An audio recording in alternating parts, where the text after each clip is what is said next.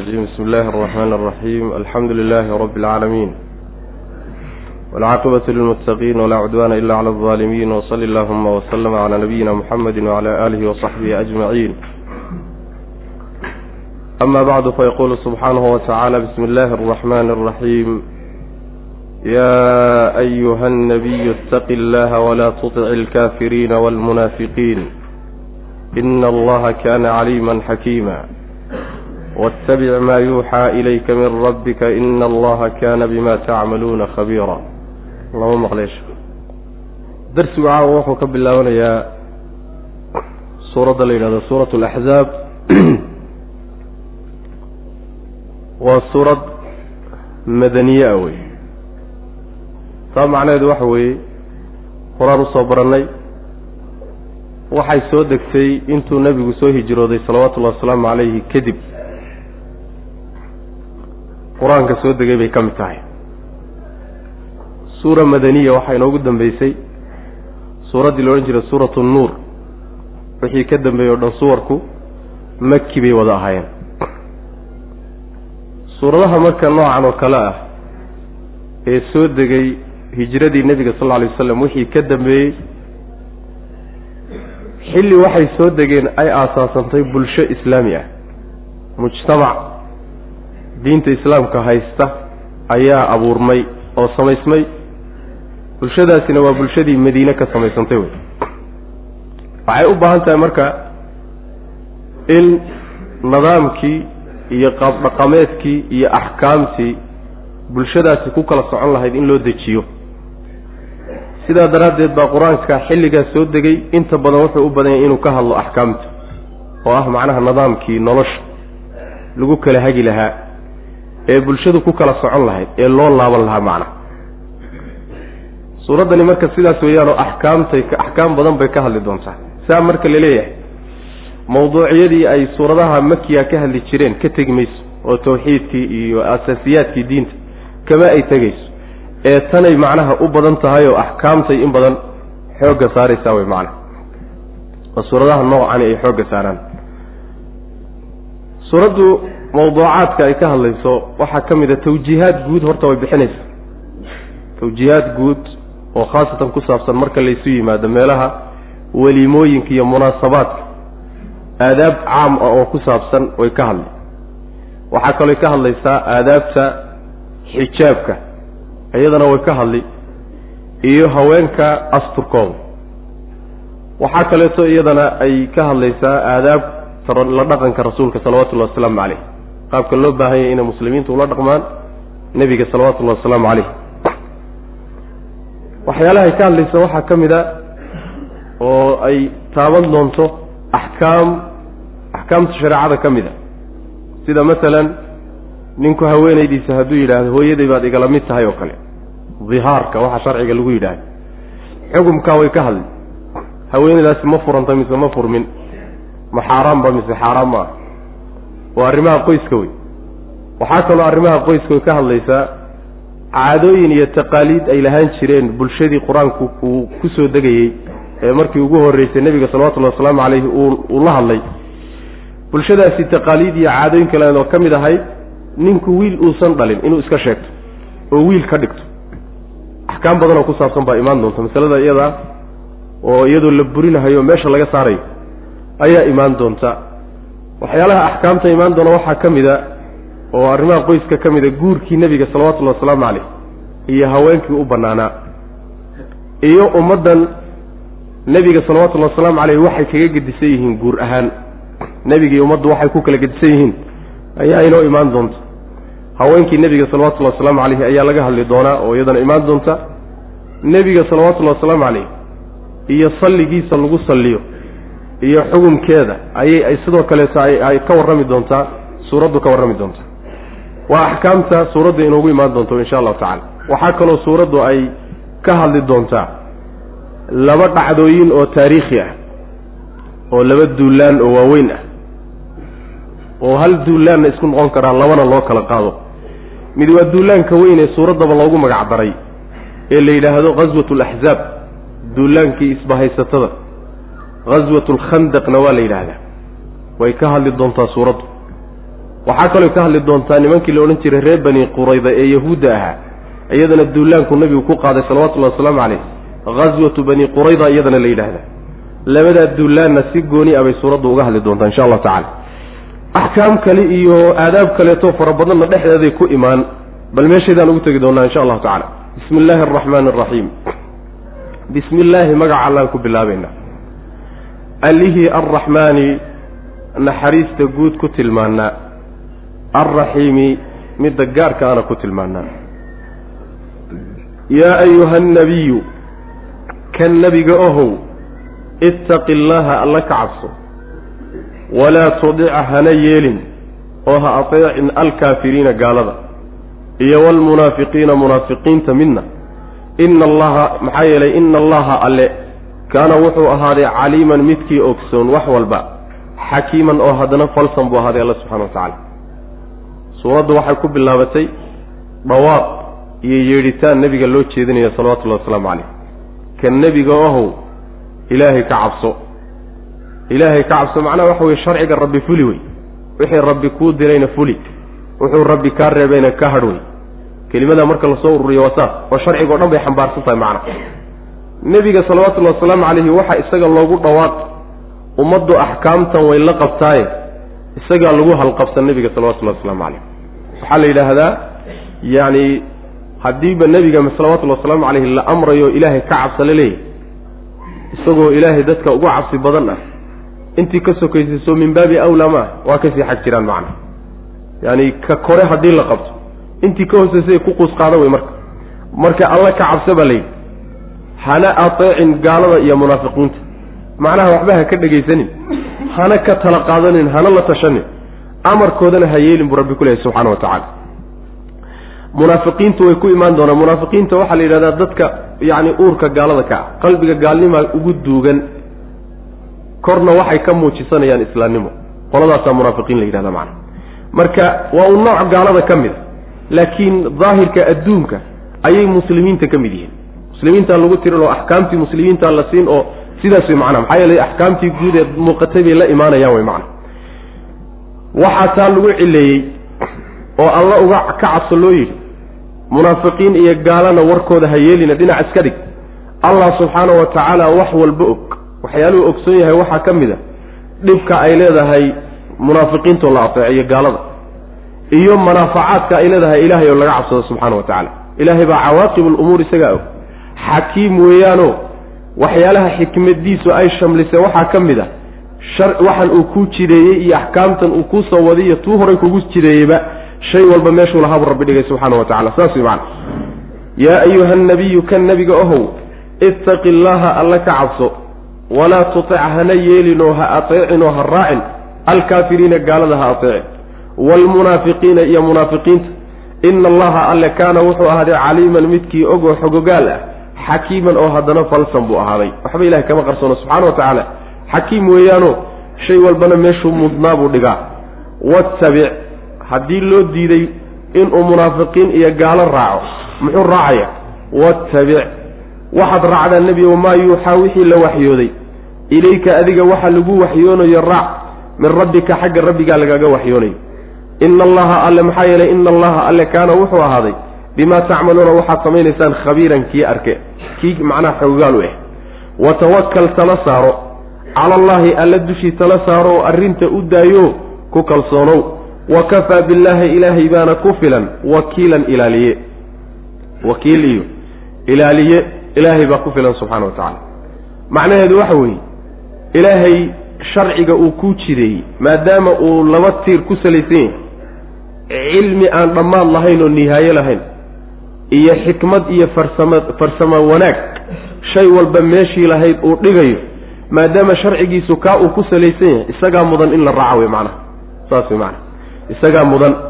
Waxaa taa laga fahmayaa addoommada waa gaalo iyo munaafiqiin une hadday dhaqan dejistaan ama sharci dejistaan sharcigoodaasi wuxuu ku ku salaysan yahay jahli buu marka koowaad ku salaysan yahay. Oo dee garashadoodi iyo garaadkoodi iyo cilmigoodaaba iska kooban ta labaadna farsamo xumona waa ku salaysan yahay oo shay badan baa meeshii uusan lahayn bay la garamarayaan macna. Sharcigoodiiya waxay iyagu jideeyeen marka ma mudna in la raacee kan rabbi soo dejiyey ee uu ku waxyooday kaa raac baa laleeyahy nabiga salawatullahi waslamu calayh. Waynu sheegno nebiga waa lagu halqabsan baa laakiin hadalku inagu inoo dhacaya. Innagaa laynoo jeedaayo dhaqamada kaleoo dhan ka taga oo ka rabbi raaca weeye subxaana wa tacala nebi maxamed uu ku soo dejiyey salawatullahi waslamu calayh waxaad saa u yeelaysaani waxa weeye. Allah subxaana wa tacaala waxaad samaynaysaa o dhan buu xogogaal u yahay. Abaalmarinna waa ka dambaysaa. Sidaa daraaddeed allaha xogogaalkaa sharcigiisa raaca berrita wuu idin badbaadine haddii laakiin munaafiqiin iyo gaala waxay dejisanaya dhaqamadood aada raacdaan da idinkaa garanaya wey markaa macana alla tala saara baa le nebiga salawatullahi wasalaamu calayh oo arrin ku kalsoono wey macana arrintaada u dhiibo oo cusko rabbigaa subxaana wa tacala wax alla waxa dhib ah isaga macnaha ayaa kaa celin. Arrintaada isaga u dayso oo ha ka kalsooni bixin. Rabbi baana subxaana wa tacaala ku filan. Yacni ilaaliye allah ku filan. Ciddii tala saarata rabbi waa ku filaya subxaana wa tacala cid kale loo xilsaari maayo. Ilaalintiisa ilaahay baa ilaalin subxaana wa tacala saas wey macana wattabic raac nabiyow. Maa yuuxaa waxa la waxyoonayo ilayka adiga lagu waxyoonayo. Min rabbika xagga rabbigaa lagaaga waxyoonayo. Waa qur'aanka wey kaa raac. Iyo axaadiista nebiga salawatullh waslamu calayh ina allaha alle kaana wuxuu ahaaday bimaa tacmaluuna waxaad samaynaysaan khabiiran midkii xogaale in nebiga keliyaan hadalkaasi uusan u dhacaynin ummadda loola jeedo waxaa ku tusi ina allaha kaana bimaa tacmaluuna baa lehi bimaa tacmaluun lama dhihin waxaad adigu samaynaysa lama dhihine bimaa tacmaluuna waxaad samaynaysaan baa lehi oo jamac baa laga dhigay ilan ummaddii baa la socota nebiga salawatullahi waslamu caleyh laakiin lisharafihi ayaa loogu halqabsan nebiga salawatullahi waslamu caleyh watawakal tala saaro cala allaahi alla dushii tala saaro oo cusko. Wa kafaa billaahi allaana ku filan wakiilan ilaaliyana allah ku filan. Ciddii tala saarata rabbi waa ku filan yahay subxaana wa tacala maa jacala allahu lirajulin min qalbayni fii jawfih wma jacala azwaajakum allaa'i tudaahiruuna minhuna ummahaatikum wma jacala adciyaa'akum abna'akum dalikum qowlukum biafwaahikum wallahu yaquulu alxaqa wahuwa yahdi asabiil axkaamtiiba marka la gudagalay maa jacala allahu alla ma uusan yeelin lirajulin. Axkaamtii raaca lalahaa ee iyada macnaha waxau ilaahay kaga cabsada tii baa markaba la bilaabay. Ila intaa gogol bay ahayd. Oo in waxaa imaan doona rabbi jidayn doono in iyada macnaha loo xisho wax kaleo dhanna laga tago. Saasaa laynagu boorinayay axkaamtii waata marka laynagu qalqaalinaya inaan raacan maa jacala ma yeelin. Allahu alle ma uusan yeelin lirajulin nin ma uusan u yeelin. Min qalbayni laba qalbi ma uusan u yeelin fii jawfihi laabtiisa dhexdeeda. Gudihiisa laba qalbi maba uusan dhiginba wamaa jacala alla ma uusan yeelin aswaajakum xaasaskiinna. Allaa-i xaasaskaasoo tudaahiruuna aada dihaaraysaan minhunna xaggooda kuwaa iyaga a ma uusan ka dhigin ummahaatikum hooyooyinkiinka muusan dhigin. Xaasaskiinna aada iska xarimaysaan ee hooyooyinkiin oo kaleeto sidooda isaga xarimaysaanna hooyooyinkiin alla kama dhigin. Wamaa jacala alla ma uusan yeelin adciyaa'akum wiilasha aad sheeganaysaan abnaa'akum wiilashiinni kamuusan dhigin. Kuwa sheegadka ah eed wiilasha ka dhigateen wiilashiinni rasmiga ahaa ma ah. Daalikum kiinaas la soo sheegay qawlukum waa uun hadalkiinni wey biafwaahikum afafyaalkiinna aad ku tidhaahdeen. Waa waxaad iskaga hadasheen wey macna. Wallaahu allana yaquulu wuxuu odhanayaa alxaqa cadaaladda ayuu rabbi dhihi subxaana wa tacaala. Wa huwa isagaana yahdi hanuunini addoommada assabiila jidka toosan isagaa ku hanuunin. Maa jacala allahu lirajulin min qalbayni fii jawfihi. Waxaa halkan lagu sheegay gogolxaad iyo laba xugum gogoldhig araar waxa la yidhaha iyo laba xugum yaa aayaddan rabbi ku sheegay subxaana wa tacaala. Araartu waxa weeye xugumkaasaa loo araaranayaayo loo gogol xaadhanaya labada xugum ee soo socdo wuxuu rabbi yidhi subxaana wa tacaala nin uu laba qalbi yacani gudihiisa laba qalbi ruux uu rabbi yeelay maba jiraba. Ruux laba qalbi leh maba jiro ilaahay maba abuurin subxaana wa tacaala. Taa macnaheedu maxay tahay? Waxaa la leeyahay waxay ku soo degtay. Nin waxaa jiray carabta ka mid ahaayo ay dhihi jireen dulqalbayn bay dhihi jireen. Laba qalbiile ayay odhan jireen masaladaasay marka meesha ka saaraysa oo diidaysaa wax laba qalbile ma jiro. Qolyo kale waxay leeyihiin qolo munaafiqiina nabiga salawatullhi wasalaamu caleyh waxay ku yidhaahdeen waa laba qalbiile oo qalbina qolo qolo kaluu kula jiraa qalbina inagu inagula joogaa ujeeddada marka loo dhigayo meesha loogu gogol xaadhinayo waxa weeye laba qalbi cid loo sameeyey ma ay jiraan. Leanna laba qalbi haddii ibni aadamka loo samayn lahaa laba meelood oo taladu ka soo fushaa imaan lahay xubnihii marka amar qaadanahayay ee carabkii iyo gacmihii iyo lugihii ma qalbiga inay ka amar qaadan mise qalbiga inay ka amar qaadan? Laba amaroo isdiidaya inay soo fuliyaan soo suurtagal maaha oo fooda la isgashado. Waa macquul. Taladu waxay ka fuli kartaa hal meel hal markas inay leedahay. Saas daraaddeed buu ilahay hal qalbi binu aadamka ugu yeelay. Laba qalbi looma yeelin macna. Ayib laba qalbi sida aan loogu yeelin waa kuwa labadii xugum ee loogu gool xaadhanayay sida binu aadamka laba qalbi uusan alla ugu yeelin yuusan laba hooyo u yeelin. Laba hooyo umuusan yeelin. Oo taa macnaheedu waxa weeye caado waxay lahaan jireen.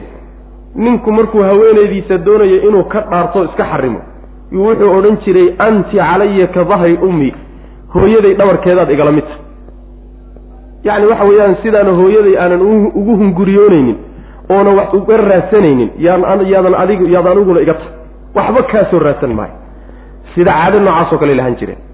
Marka kuwaasaa waxay ku shabihi jireen hooyooyinkood hooyadayoo kalaad iga tahay bay odhan jireen. Markaasaa rabbi wuxuu leeyahay hooyadiin ma aha. Seebay hooyadiinna ku noqon kartaa xaaskiinnana ku ahay. Sida aan laba qalbi uusan aysan nin laba qalbile uusan u jirin yayna hooye iyo zawje u noqon karin adigana hooye ayna kugu noqon karin nin kalena hooye ugu noqon karin. Suurtagal ma ah saas way macana sidoo kale ilmahan kadaata aada ilmaha ka dhigateen caadooyinka lahaan jireen baa waxaa ka mid a. Eeya taqaaliiddoodii waa waxyaalaha hidiya dhaqan ay lahaan jireen oo awyo ka soo gaadheen. Ninku ilmo uusan dhalin intuu iska soo qaato yuu ku abtirsanaya wax alla wixii wiilkiisu iyo ilmihiisu lahaa unbuu yeelanayaa xuquuq ah. Wuu dhaxlayaa gabdhihiisa ma guursan gabadha kani qabo ma guursan karo. Wax alla wixii laba isdhashay dhex mari jiray axkaam oo dhan bay marka ka ratibi jireen. Markaasaa alla subxaana wa tacaala masaladaasaa la diidayaa oo xukumkaasaa la burinaya waxaa la leeyahay sida aan laba qalbi ruux uusan ilaahay ugu wada samayn hal ruux ayaan waxaan jirin ilmo laba nin ka wada dhexeeya. Oo wiilashan aada leedihin waa wiilashanadii wiilashiina maba noqon karaan adigana ma wiil buu kuu noqon kii dhalana wiil miyuu noqon karaa? Waa mustaxiil. Hal biyo unbaa meesha yuu ka abuurmay. Saa daraaddeed wiil laba nin ay wada dhaleen oo laba aabba leh ma jiro. Nin laba qalbina ma jiro. Haweeney laba magaclana ma jirto. Marna zawje a marna macnaha hooye ah. Ama macnaha waxa weye laba hooyea adigana hooye ku ah nin kalena hooye u ah. Isku aabbana aydaan ahayn. Macquul ma ah. Saasaa macnaha waxa weye laleeyahy marka waa gogol xaadh midda dambe. Labada dambena waa xukumkii macnaha wey xukumka hore marka ee dihaarka ah. Ninku haweenaydiisa hadduu hooyadii oo kaleeto uu kala mid dhigo oo uu yidhahdo hooyaday baad igala mid tahay oo hooyaday dhabarkeedoo kalead igala mid taho sida hooyada xaaraam iiga taad xaaraam iiga tahay aad baa loo yidhaahdaa arrintaa iyada ah horta ma bannaana marka koobaad fii suurati almujaadala insha allahu tacala haddii ilahay inoo qadaro yaan faahfaahinteeda ugu tegi doonaa. Markuu rabbi yidhi subxana wa tacala hooyooyinkiin ma aha yaa waxaa laga dambaysiiyey dalikum qawlukum biafwaahikum. Waa hadal aad iska tidhahdeen wainahum layaquuluuna munkaran min alqawli wazuura munkar la diiday iyo hadal gaf ah ayay yidhaahdeen bu rabbi ilahi subxana wa tacala marka arrintaasi waa gaf weyn waana khalad sharciya wey dembi weyn waay. Haweenayna insaan lagu yidhahda ayib hadduu ninku sidaaba yidhahda ka soo qaad. Qaar badan baa waa dembi aan kaga joogaynina iska jiidhi maxaa lagu samayn marka? Waxaa lagu samaynaya laba mid. Haweenaydii saa markuu ku yidhaahdo hadduu furo oo saa ku sii daayo. Tagtay. Asagana alla xil furay. Wax lag damboo laga rabo ma jiro haweenaydiisii laakiin dhaaftay waa hadduu markaba furitaan ku xijiyo wey. Hadduuse laakiin uu haysto oo hooyadii baad igala mid tahay intuu yidhahda haddana uu haweenay ka sii dhigto oo sii haysto waxaa ku waajibaya kafaara ku waajibi. Intuusan haweenaydaa taabanin. Fii suurati almujaadala inoogu imaan insha allahu tacala kafaarada laga dooni maxay tahay? Yacni waxaa laga doonaya fataxriiru raqabatin min qabli an yatamaasa intuusan taabanin inuu qoor xoreeyo. Haddii uu qoortii kari waayo oo dhaqaale u waayo uu addoon ku xareeyo ama addoonba maba jirtaba sida hadda jirtoo kale addoonba lama hayo. Maxaa la samaynaya faman lam yajid fa siyaamu shahrayni mutataabicayn laba biloodoo isku xigta waa ganax laba bilood isku xigta ayuu soomi. Hal maalin oo afura hadduu udhexaysiiyo oo cudurdaar sharciya uusan lahayn dib buu ka soo bilaabi haddana macnaha laba cusub ayuu soomi.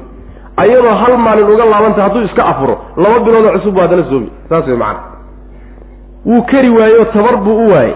Faman lam yastadic fa icaamu sittiina miskiinan. Lixdan miskiin buu quudin oo uu cunto siinaya yacni hal mar buu dherjin wey macana hal mar buu dherjin xuduuddaasaa marka lagu dabaqi intaa mid ka mida markuu sameeyo ayaa marka haweenaydiisi uu galboonaya macana waxaas ka dhiganaya sidaas wey wax fudud marka ma ah yacni afka waa ku fududahayoo raggu waa iska jiidhaan wax sharciga ilahay laakiin ku fudud maaha. Marka koobaad waa dembi. Marka labaadna intaasaa macnaha waxa weeye yaa ku daba socoto mid ka mida inaad fuliso wey macana xugum waa midka. Xugumka labaadi waxa weeye carruurtii la sheegan jiray ee la dhalin. Ayadana ilmahaaga saa ku noqon maayaan. Ilma aadan adigu dhalinoo nin kala dhalay. Intaad iska sheegato inuu ilmahaagii noqdo oo ku dhaxlo oo sida ilmahaagii oo kale axkaamtiisa uu qaato abadan. Maya wey middaa iyadana macna. Nabigeenuna salawatullahi wasalaamu caleyh axaadiis buu ku sheegayo ninkii sheegta buuhi nabigu salawatullahi wasalaamu calayhi aabbihii cid aan ahayn. Isagoo og inuusan aabbihii ahayn. Ninkii ku abtirsada aabbihii nin aan ahayn nebigu wuxuu sheegay salawatullahi wasalaamu caleyhi inuu horta gaaloobay. Ta labaadna jannadu inay xaaraam ka tahay. Saas wey macana waa dembi weyn. Cidaan ku dhalin aabbahay weye inaad tidhaahdo. Ood ku abtirsatahay aabbihii ku dhalayna aad ka tagtahay waa dembi weyn wey ilmo aadan dhalin inuu kugu abtirsadood ilmo ka dhigatana oo axkaamtii ilmo lahaan jiri aad siisana iyaduna waa dembi weyn wey macana sidaas weye maa jacala allahu alla ma uusan yeelin mas'alada marka burinteeda iyo jebinteeda iyo sidii loo baabi'in lahaa ayaa aada loogu dheeraan doonaa ilaa waxaa la gaari doonaa nabigeena salawatullahi wasalaamu calayh wiil uu yacni ka dhigtay ilmo ka dhigtay. Zayd ibnu xaarisa nin la odhan jiro uu xoreeyey nabigeenu salawatullahi wasalaamu calayh yuu wiil ahaan ka dhigtay. Markaasaa waxaa la odhan jiray zayd ibnu muxamed baa loo odhan jiray. Ilaa aayaadkani soo degeenoo loo diidoo la yidhi kadaa ilmahaagii ma ahe. Maa kaana muxammadun abaa axadin min rijaalikum baa inoo imaan. Muxamed mid idinka idinka mida aabba uma ah walaakin rasuula allahi wa khaatima annabiyiin. Waa rasuul ilaah. Nebiyadii ilahay baana lagu khatimay laakiin mid idinka idinka mida aabba uma ah aayaadkani markay soo degeen ayaa marka la joojiyey zayd ibnu muxamed oo laga dhigay zayd ibnu xaarisa. Saas way macanaa zayd ibnu xaarisa. Saas daraaddeed baa nebiga salawatullahi wasalaamu caleyh cumratu lqada cumradii la odhan jiray markuu maka tegey oo uu soo laabanayey xamza oo adeerkii ahaa gabadh uu dhalay yaa soo raacday oo ka soo daba oyday gabadhii waa la soo qaaday marka waxaa isku qabsaday saddex nin jacfar ibnu abi aalib iyo cali ibnu abi aalib iyo waxaa isku qabsaday zayd ibnu xaris markaasaa nebigu salawatullahi wasalaamu caleyh wuu kala sasabay saddexdoodii. Mid buu horta gabadhii u xugmiyey inuu koriyo. Zayd iyo calina wuu kala sasabay oo mid walba kelimo qancisay buu ku yidhi. Zayd marka nebigu wuxuu ku yidhi salawatullahi wasalaamu caleyh yacni waxaad tahay akhuuna wa mawlaana baa tahay macna. Akhuuna wa mawlaana sida inoo maan doonta macnaha udcuuhum liaabaa'ihim wa aqsatu cinda allah. Haddii la garan waayo aabbayaashoodna waa walaalkiin iyo mawlihiin waaye macna sidaas wey marka xukumkaasi waa la buriyey. Waxaa weliba lagu xoojiyey burinteeda. Nebiga waxay noo imaan doontaa salawatullahi wasalaamu calayh lagu qasbayo in uu guursado zaydkii wiilka u ahaan jiray. Haweenaydiisii uu furay in uu guursado. Ayaa inoo imaan doonta insha allahu tacala oo caadadaa sida xididada loogu siibi lahaa yaaba nebiga salawatullahi waslamu caleyh la leeyahay wiilkaaga gabadhiisa guurso. Yacni wiilkaad sheeganaysa ee wiilnimada aad ka dhiganaysa gabadhii uu furay guursaa la odhan doona wuuna guursan doonaa nabigu salawatullahi waslamu caleyh buuq badan baa ka imaan doona ka kici doona oo bulshada macnaha waxa weye dareen badan baa meeshaa istaagi doono. Insha allahu tacala meeshaadan ugu tegi doonaa macna. Suuradda dhexeeda. Maa jacala allahu alla ma uusan yeelin lirajulin nin ma uusan u yeelin min qalbayni laba qalbi ma uusan u yeelin fii jawfihi. Yacni dhexdiisa jawfka waxaa la yidhahdaa gudaha la yidhahdo macna. Laabta iyo caloosha iyo kulli jawf baa laisla yidhahda. Macnaha laabtiisa dhexdeeda laba qalbi ninna ilaahay muusan ugu yeelin. Wamaa jacala ma uusan yeelin aswaajakum haweenkiinni mu uusan ka yeelin. Allaa iyo haweenkaas iyo xaasaskaasoo tudaahiruuna aada dihaaraysaan minhunna xaggooda. Ummahaatikum hooyooyinkiin mu uusan ka dhigin. Haweenkiinni iyo xaasaskiinna aada dihaaraysaan. Tudaahiruuna dihaarka waxa la yidhah inagii soo sheegne waa inuu yidhahdo hooyaday oo kalaad igala mid tahay oo hooyaday dhabarkeedoo kalaad igala mid tahay macnaha yacni waxaa la odhan karaa allaa-i haweenkaasoo tudaahiruuna hooyooyinkiinoo kale sidooda aada isaga xarimaysaan minhunna xaggoodood ka fogaanaysaan ummahaatikum hooyooyinkiin muusan ka dhigin. Hooyooyinkiin saa ku noqon maayaan wey macna. Wamaa jacala alla ma uusan yeelin adciyaa'akum wiilasha aada sheeganaysaanee wiilnimo u sheeganaysaan abnaa'akum wiilashiinnii dhabta ahaa alla kama dhigin. Oo axkaamtii wiilashiinoo kale lama siinin. Taa wax ka soo qaad male wey macnaa si kastaba idinku wiil uga dhigto u sheegte. Daalikum kiinaa la soo sheegay. Oo haweenaydaadii ood hooyadaa oo kale ka dhigto. Ama wiil aadan dhalin ood magac wiilkaagoo kale yacni wiilkaagii oo kale aad ka dhigtood wiilnimo ku sheegatahay. Daalikum arrimahaasi qawlukum waa um hadalkiinni wey. Iyo odhahdiinni biafwaahikum afafyaalkiina aad ku tidhaahdeen afkiina unbaad ka tidhahdeen wey macna. Yacni waxa weeyaan soo lama yidhahdo ruuxa markaad leedahay waad iska tidhi. Waad iska tidhi macnaha waxa wey afkaaga unbaad ka tidhi wey macnaha soo ma? Afka afka afkiinaad ka tidhahdeen macnaha waa wax xugum oo ka dhalanaya ma jira wey macna wax xugum oo ilaahay agtiisa ka dhalanaya oo ama ho islaantii inay hooyadaa oo kale la mid noqon ama ilmihii inuu ilmahaaga ku noqoni ma ay jirte waa hadalaad iska dhahdeen wey macna wallahu alla yaquulu wuxuu odhanaya alxaqa xaqa cadaaladda allah odhanaya subxaana wa tacaala. Cadaaladdu waa miduu rabbi yidhiyo waa midda inoo maan doonto. Wa huwa alla yahdi wuu hanuunini assabiila. Jidka saxdaana isagaa addoommadiisa ku toosiya oo ku hanuuniya. Haye haweenkii iyaga la dihaaray halkaasaa lagaga hadhaye carruurtii ilmaha laga dhigtay iyo wiilasha laga dhigtay baa la sii dabageli. Haddii la yidhi wiilashiinii ma aha xaggeen geynaa yaa loogu abtirini marka. Udcuuhum ugu yeedha liaabaa'ihim aabbayaashood ugu yeedha oo ugu abtiriya wey huwa midka oo aabbayaashood in loogu abtiriyo oo loogu dhawaaqaa ayaa aqsatu cadaalad badan cinda allahi ilaahay agtiisa fain lam taclamuu haddiiba la garan waayo aabihiina fain lam taclamuu haddaad garan weydaan aabaa'ahum aabbayaashood haddaad garan weydaanna fa ikhwaanukum walaaladiin wey fi diini diintay walaalla idinku yihiin wa mawaaliikum kuwii aada xorayseen mawaaliikum yacni kuwii idinla xidhiidhay ama diinta aada isku jeclaydeen wey macna. walaysa ma ahaanin calaykum dushiinna junaaxun wax dembi ah fii ma akhta'tum wixii aad ku gaftaan bihi isaga. wixii gaf ahaan idinka dhacana laydinma haysto. walaakina aljunaaxa laakiin dembigu maa fii maa shay dhexdii ayuu ahaaday. tacamadad ay u qasaday quluubukum quluubtiinnu waxay u qasado unbaa dembi idinka raacaya. wa kaana allahu allana wuxuu ahaaday hafuuran midkii dembi dhaaf raxiiman oo naxariistu ahaaday alla subxaana wa tacala macnaheedu waxa weeye haddii wiilashii ay wiilasha ka dhigan jireenee lagu yaqaanay ee loogu abtirin jiray gooya la yidhi abtirkooda xaggee loogu abtirin aabbayaashood ugu abtiriyaa layidhi oo zayd ibnu maxamed meeshaad ka leediin intaad ka dhaysaan zayd ibnu xaarisata dhah aabihi baa la yaqaanaay sidaa oo aabbayaashood in loogu abtiriyo abaa cadaalad badan maxaa yeele abtirku biyihii buu ka imaanaya. Biyihii laga abuuray yuu abtirku la socdaa cadaaladdu marka waxay ku jirtaa adigu maadan dhalin e ilmo aadan dhalin ha sheeganin cadaalad ma ah. Cadaaladdu waxay tahay kii dhalay in loogu abtiriyo wey macna. Dalikum aqsatu cinda allah saasaa ilahay agtiisa cadaalad badan macna. Oo inaad idinku sheegataan saasay ka cadaalad badan. Haddii aabbayaashoodba la garan waayo ka war. Ilan mudday bulshada ku soo dhex koreen qaar waxaa la helayaa muddaba ku soo dhex koray oo qoyskan iskaga tirsanaa oo iyaga lagu tirin jiray oo yaani odaygaa ku ku abtirsanahayay oo qaaraankii wax walbaba macnaha ku xisaabsanaa.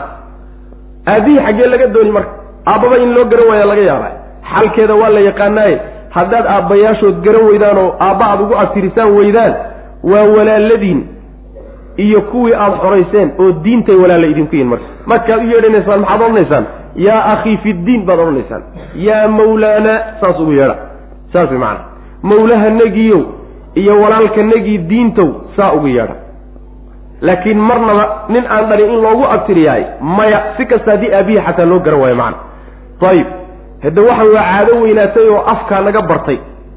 Marmarka qaarkoodna inuu afka ku simbiriraxdo macnaha aamin lagama ah. Haddii afku idinkaga simbirixdo oo gaf uu idinka dhaco laydinma haysto wixii intaan la xarimin aada samayn jirteen oo nin aan dhalin aada ugu agtirin jirteen ama hadda kadibba waxaan qalbigiinu u qasina laakiin afku iskaga dhaco. Zayd ibnu xaarisata inaad dhahdo rabti markaasaa afkaa kaa bartay zayd ibnu maxamed baa tidhi arrintaasoo kaleeto oo sibiqda afka ka dhacday wax ka soo qaad male. Laydinma haysto laakiin wixii qalbigiinu u qasto kaa weeye midka dambi idinka soo raacay. Ilan qalbiga sideedaba rabbi subxaana wa tacala waxyaalaha ummaddan u dhaafay waxaa ka mid a wixii gaf uga dhaca fii aakhiri suurati albaqara waa inaga ku soo marnay rabbanaa laa tu'aakhidna in nasiinaa aw akhta'na. Ilaahu hanoo qabanin haddaanu halmaano ama aanu gafno gaf wax nooga dhaco rabbina wuxuu yidhi sida xadiidka nebiga kuso hortay salawatullahi waslamu caleyh qad facaltu waa idinka aqbalay. Baryadaa idinka yeelay buu rabbi yidhi subxana wa tacala xadiidka nebigana waa ku asaxay salawatullahi wasalaamu caleyh rufica can ummatii alkhata'u walnisyaan wama stukrihu caleyh ummadayda waxaa laga dhaafay saddex arrimood. Halmaan wixii uga dhaca gaf wixii uga dhaca iyo wixii lagu qasbo. Intaaba loo dhaaf buu nebigu yihi salawatullahi waslamu caleyh musbaqan baaba laynoogu dhaafayba. Laakiin waxaa laynoo qabsanoo dembi laga qori laynoogu qori wixii qalbigeennu u qasto oo ukas iyo ulakacaan u samayna kaa way midka laynoo qorayo macna. Saas weye waa inagii soo marnay laa yu'aakhidukum allahu billagwi fii aymaanikum walaakin yu'aakhidukum bima caqadtum alaymaana wixii quluubta aad ku qabataan oo qalbigiina ka soo fula kaa unbaa macnaha laydiin qori wey macna. Sidaas wey laakiin wixii gafa laydiin qaban maayo. Allana wuxuu ahaaday subxaana wa tacaala addoommada midkii u dembi dhaaf oo u naxariistuu ahaaday. Yani ruuxii saasoo kale wax uga dhacaan uu u dembi dhaaf. Horaan intaan sharciguba soo deginna wixii dhacay ilahay waa dhaafay subxaana wa tacala udcuuhum ugu yeedha kuwa liaabaa'ihim aabbayaashood ugu yeedho ugu dhawaaqa ugu yeedha macnaha waxa weeye. Yacni markaad u yeedhaysaan yaa zayda bna xaarisa dhah zaydkii ina xaarisa ahaayow zaydkii ina maxamed ahaayo waa odhanina huwa midkaas oo aabbayaashood inaad ugu yeedhaana ayaa aqsatu cadaalad badan cinda allahi ilaahay agtiisa fain lam taclamuu haddii aydaan ogeyn aabaa'ahum aabbayaashood haddii aydaan ogeyn oo garan weydaan aabbayaashood wey macna. Fa ikhwaanukum waa walaaladiin fi diini diinka dhexdiisa walaalla idinku yihiin. Yaa akhaana fi diin saa ugu dhawaaqa marka. Walaalkanagii diinta walaalka noogu ahayo wa mawaaliikum mawaalida waa macaani badanba waa la yidhahda kuwa la xoreeyey waa la yidhahda cidda aada socoshahayna waa la yidhahda cidda aada gargaarka isku leedihiin iyo hiiladana waa la yidhahda oo ismudan tihiin. Macaanidaasoo fara badan baa mawaalida lagu itlaaqa macna walaysa ma aynan ahanin calaykum dushiina junaaxun wax dembi ah. Fii maa shay dhexdii dembi idinka raaci maayo akhta'tum aad ku gaftaan bihi isaga. Wixii gaf idinka dhacaayo oo idinkoon gefka macnaha waxaa la yidhahdaa oo yacni laga wadaa wixii adoon u qastaynin kaa yimaada macna wax kalaad wadatay iyo ujeeddo kalead ka wadatay ujeeddadii aad ka wadatay waxaanayn baa meesha ka soo baxay. Khada baa la yidhaahdaa.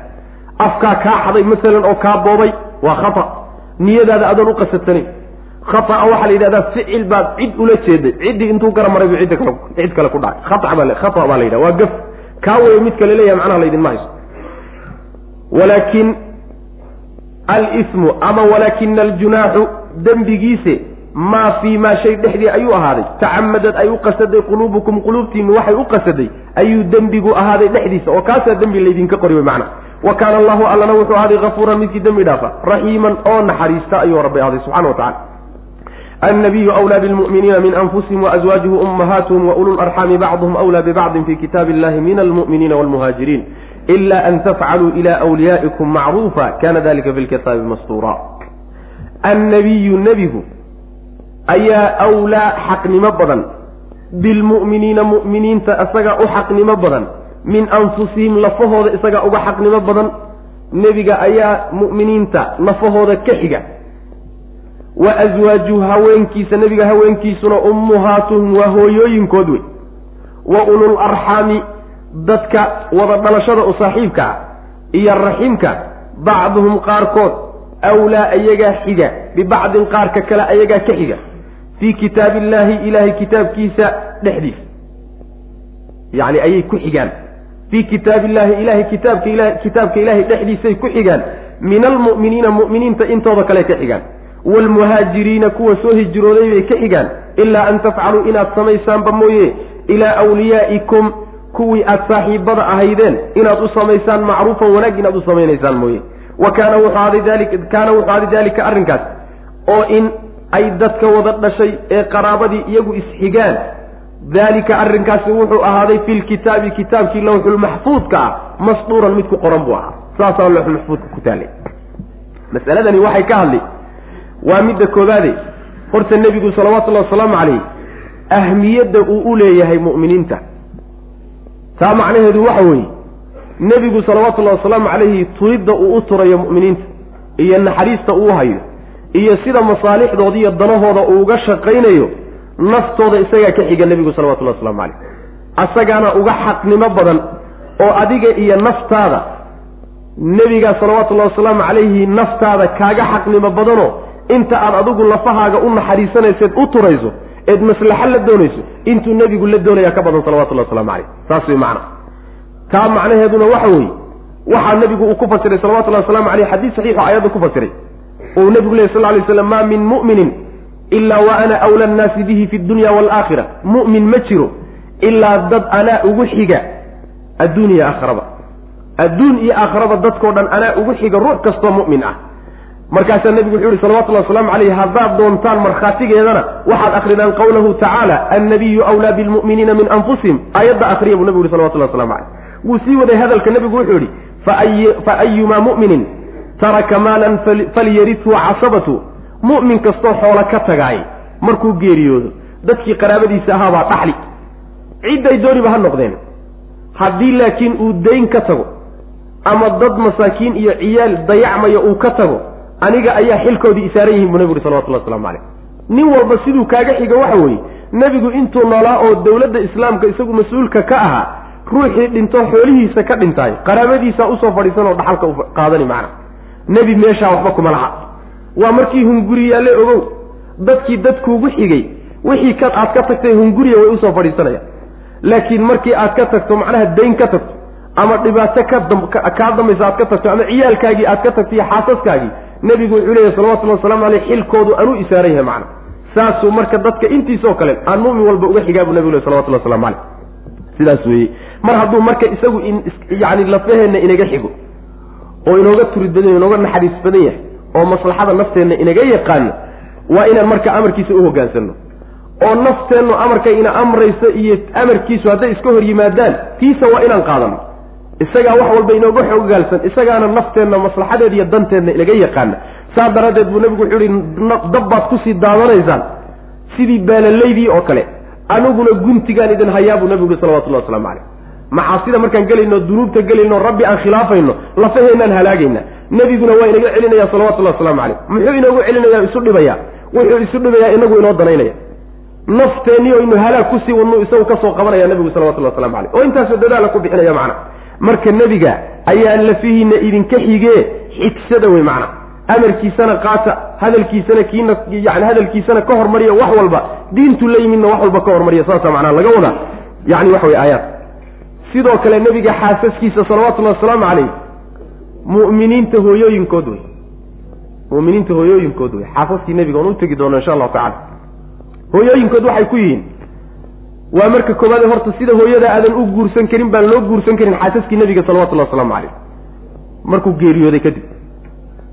Sidoo kale weeyaane ixtiraamka iyo xaqa ay hooye hooy hooyooyinkood hooyooyinkeen inugu leeyihiin waxaa la mid a xaqa ay inugu leeyihiin xaasaskii nebigu salawatullahi waslamu caleyh xaqa xaqa xagga xaqa iyo ixtiraamka iyo qadarintana iyo maamuusidda iyo ixsaanka iyo samafalkana hooyooyinkeenood bay ka yihiin macna. Labadaa wixii ka soo hadhay masalan waxa weeyaan xaggii dhaxalka. Hadday noqoto masalan waxa weye xaggii yacni la cidloobidoo meel cidlaa inaad macnaha aad yani xagga masalan cawraadkoodii oo kaleeto ajaanib bay kaa yihiin wey macana lama khulwoon kartid oo kuma dhaxlayaan adiguna ma aad dhaxlaysid oo sidoo kaleeto macnaha waxa weeyaan yani yani cawraadkooda inta hooyadaa iyo aad ka arki karayso kama arki karaysid ilaa kayri dalika macna. Labada mas'aley hooyooyinka ku yihiin xagga ixtiraamka iyo sida iyo guur la'aanta aan la guursan karin wey macana guurkoodaon banaanayn labadaasay hooyooyinkan ku yihiin wey macana marka kadib baa rabbi wuxuu ka hadlay subxaana wa tacaala xagga dhaxalka masalada dhaxalka. Fii aakhiri suurati alanfaal baan ku soo marnay. Waxaa jiri jiray markii bulshada islaamku aasaasantay ee ugu horreysay mu'miniintuna ay yaraayeen. Yaa si bulshadaasi ay isu dhex gasho oo u adkaato oo isu fahanto yaa nebigu salawatullahi wasalaamu calayhi waxa uu waajibiyey labadii ruux inay isku dhaxlaan hijrada. Labadii soo wada hijrootay way isdhaxli hijradaasay isku dhaxlayaan. Xataa qaraabo bayaysan ahaanin. Waxaa kaloo isku dhaxlayaan labadii uu nebigu walaaleeyey ee guriga ku wada nool. Midna waa muhaajiri oo waa ree maka midna waa ansaari. Laakiin guri bay ku wada nool yihiin oo nebigaa isku xidhay salawatullhi waslamu caleyh isku xidhiddaa nebigu isku xidhayna way isku dhexli jireen. Waxyaalaha la isku dhexli jiray waxaa ka mid ah jaahiliyadii waxaa jiri jiray xilti xilti. Macnaha waxa weye isgaashaan buursi. Nin baa reer ka tirsan oo qaaraanka la bixiya oo iyaga lagu tiriya oo la jeel ah ninkaasi waxa weeye ayagaa unbuu macnaha waxa weye heshiis intuu la galo yay dhexli jireen isaguna waa dhexli jire qaabab badan baa marka laysku dhexli jiray. Qaababkii oo dhan baa markaa la xidhay hal mid keliyaa la soo reebayo qaraabtinimadii markii hore loo baahnaayo bulshada in laysku xidho loo baahnaa ayaa la jideeyey gadaal dambena waa la nasakho waxa uu la soo reebay. Qaraabadu ayaga ayaa dhaxal ahaan isxiga oo yay iska xigaan mu'miniinta intoodii kale iyo muhaajiriintii kale yay iska xigaan. Qaraabadaa marka oo laysku dhaxliyo yani waxa wey xidhiidhinta iyo way kaaga xaqnimo badan yihiin dadka aad wada dhalateen sidaas wey macana ee iimaan kale wey iimaan iyo ilan muslimiinna waa yihiin oo iimaan bay leeyihiin laakiin wada dhalashaa jirta macna dadkaasaa u xaqnimo leh oo ruuxa xiga oo dhaxalkiisa iskale wey macana sidaasaa marka rabbi inoo tilmaamay subxana wa tacala oo waxaa lagu nasakhayaa dhaxalkii laysku dhexli jiray hijrada iyo mu'aakhaadkii nebigu saxaabada walaaliyay dhaxalkii laysku dhexli jiray la nasakh yacni taxaalufka iyo isgaashaan buursiga iyadan dhaxalkii laysku dhexli jiray baa meesha laga saaraya macana saas wey annabiyu nebigu awlaa isaga ayaa mudnaansho badan oo u xaqnimo leh oo u dhow u dhowaansho badan bilmu'miniina mu'miniinta min anfusihim lafahooda ayaga naftooda asaga uga xaqnimo leh nebigu salawatullahi waslamu caleyh saa daraaddeedu nebigu salawatullahi waslamu caleyh wuxuu yihi laa yuuminu axadukum xata akuna aaba xata akuuna axabba ilayhi min waladihi wa waalidihi waannaasi ajmaciin mid idinka idinka mida muusan rumayn oo iimaankii laga rabay muusan la imaanin ilaa aan anugu ka noqdo midka uu ka jecel yahay wax walba naftiisa xoolihiisa yacni waxa weye iyo dadka oo dhan wax walba uu jecel yahay carruurtiisa iyo ehelkiisaba ilaa aniga uga iga jeclaado iimaan dhammaystiran muusan la imaanin buu nabigu leh salawatullah waslamu caleyh saas wey iimaanka loo baahan yahay kaamilkaa midkaa iyagaa wey hadday isqabato waxa adiga maslaxa kuugu muuqatiyo nebi maxamed amarkiisa iyo sharcigiisa uu la yimid waa inaad sharciga raacdo wey macana saasaa lagu garan in iimaankaagu uu meeshii la doonaya gaadhsan yahay inuu ka sokeeyo macana wa aswaajuhu nebiga xaasaskiisuna ummuhaat ummahaatuhum hooyooyinkood wey waa mu'miniinta hooyooyinkood. Oo ma guursan karaan. Ixtiraamkii hooye lahaan jirtayna way ku leeyihiin. Wa ulul arxaami kuwa qaraabatinimada iyo xigaalnimada iyo wada dhalashada u saaxiibka ana bacduhum qaarkood baa awlaa xiga bibacdin qaarka kalay xigaan. Fii kitaabi illaahi kitaabka ilaahay dhexdiisay ku xigaan. Oo kitaabka ama waxaa laga wadaa lawxulmaxfuudka ama qur'aanka laga wadaa. Fii kitaabiillaahi alla kitaabkiisa dhexdiisay ku xigaan. Yay ka xigaan. Yay iska xigaan labadaa wada dhashay. Min almu'miniina mu'miniinta ayay iska xigaan mu'miniinta intoodii kale waalmuhaajiriina iyo kuwii soo hijrooday iyaguna mu'miniinta ka mid a ayay iska xigaanoo xagga dhaxalka iyo xidhiidhinta ayagaa isxiga wey macna oo isu xaqnimolo way iska xigaan xagga xaqa kuwaa kale macna. Ilaa an tafcaluu ilaa awliyaa'ikum waxaa laga wadaa intaa dambe ee aayadda ka mid a wixii samafal ah ee dadkii ama nebigu uu idin walaaleeyey salawatullhi waslamu calayh ama yacni aada saaxiibada ahaydeen ama aada isku xidhnaydeen ama taxaalufkii heshiisku idinka dhexeeyey wixii samafal ee kaleed u samaynaysaani hawshaasi lama diidin wey macna. Markaad dhimanaysa haddaad u dardaaranto oo tidhahdo war ninkii hebel ahaayee wax naga dhexayn jireen bal xoolahaas ha laga siiyo haddaan geeriyoodo. Dardaarankaa lama diidin. Wixii hiillo ah ee loo hiilinayo wixii jacayl ah wixii xooleed kaleed siinaysa intaad nooshahay wixii samafal ah taasi waa furan tahay wey macna. Laakiin isxigiddan waxaa laga wadaa waa xaggii dhaxalka. Saas wey macana ilaa an tafcaluu inaad samaysaan mooye ilaa awliyaa'ikum kuwii aada isxigtay kuwii macnaha awliyadiinna ahaayee saaxiibadiinna aad isku xidhnaydeen inaad u samaysaan mooye macruufan wanaag inaad u samaynaysaan mooye. oo taasi way idiin bannaan tahay wixii wanaag iyo samafaleed u samaynaysaan een dhaxal ahayn taasi way idiin furan tahay macna. Kaana wuxuu ahaaday daalika arrinkaas oo in dadka wada dhashay dhaxalka ay iyagu isxigaan filkitaabi lawxulmaxfuudka dhexdiisa masduuran mid lagu qoray buu ahaa lawxulmaxfuudka way ku qoray. Ka qur'aanka ana ah marka ugu dambeeyo uun xugumkani uu ku sugnaan doono. Laakiin muddo gaaban. Ayaa xugumkaas oo in laysku dhaxlo asbaabtaa kale ah xugumkaasi munaasab buu ahaa. Muddo gaabanoo bulshada in laysku xidho oo xidhiirkeeda la adkeeyo loo baana muddadaasuu sharcigaasi jiray macna. Markii muddadaasi ujeeddadiilah laga gaadho bulshadii isku xidhantaya sidii looxu maxfuudkana ku qoray. Kitaabka qur'aankana asalku ayd bu alla subxana wa tacala markaa soo deji. La bedel marka dhaxalkii asbaabta kale la isku dhexlaya macna. Waid akhadna min annabiyiina miihaaqahum waminka wamin nuuxin waibraahiima wamuusa waciisa bni maryam waakhadna minhum miihaaqan haliida wadkur waxaad xustaa nebigo id wakti akhadnaa aan qabanay min annabiyiina nebiyada xaggooda markaan ka qaadnay miihaaqahum ballankoodii wa minka adigana markaan kaa qaadnay wa min nuuxin nuuxna markaan ka qaadnay. Wa ibraahiima ibraahim markaan ka qaadnay. Wa muusa muusena markaan ka qaadnay. Wa ciisa ciise markaan ka qaadnay. Ciisihii ibni maryama maryam wiilkeeda ah. Wa akhadnaa waan qaadnay. Minhum nebiyada xaggooda waxaan ka qaadnay miisaaqan ballan baan ka qaadnay. Haliidan oo aada u adag. Ballan la adkeeyaan ka qaadnay. Maxaa looga qaaday? Waxaa looga qaaday liyas'ala inuu weydiiyo daraaddeed alle inuu weydiiyo maalinta qiyaamada alsaadiqiina kuwa runta sheegaya oo ambiyadii iyo dadka mu'miniinta can sidqihim runtoodii in la warsado. Wa acadda alla wuuna diyaariyey lilkaafiriina gaalada wuxuu u diyaariyey cadaaban cadaab buu u diyaariyey aliiman ay mu'liman oo xanuujiya. Ballan buu alla ka qaaday nebiyada. Nebiyadoo dhan baa ballan laga qaaday. Fii suurati aali cimraan baan ku soo marnay ballantaa waid akhada allahu miihaaqa annabiyiina lamaa aataytukum min kitaabin wa xikmatin uma jaءakum rasuulu musadiqun lima macakum latu'minunna bihi walatansurunnahu qaala aaqrartum waakhadtum cala dalikum isri qaaluu aqrarna qaala fashhaduu waana macakum min ashaahidiin taas way macana nebiyada ilaahay ballankuu ka qaaday waxa weeye inay diinta ilaahay toosiyaan dadkana inay gaadhsiiyaan ka labaadna inay macnaha dadka gaadhsiiyaan oy ku dadaalaan ayaguna hadday isa soo gaadhaan ay isu markhaati kacaan. oo isagoo nebi hore uu sii joogo haddii nebi kale ka daba yimaado nebigaa dambe uu nebigii hore nebigaa dambe inaysan wax dagaal iyo colaadi dhex marina inay isu rumeeyaan oo isu markhaati kacaan oo iskaashadaan oo isxoojiyaan saasuu ilahay ballan kaga qaaday subxana wa tacala ballantaas wey ballanta adag ee rabbi ka qaaday subxaana wa tacaala nebiyada. Nebiyadii oo dhan baa marka la sheegay. Si duuduuban baa loo sheegay.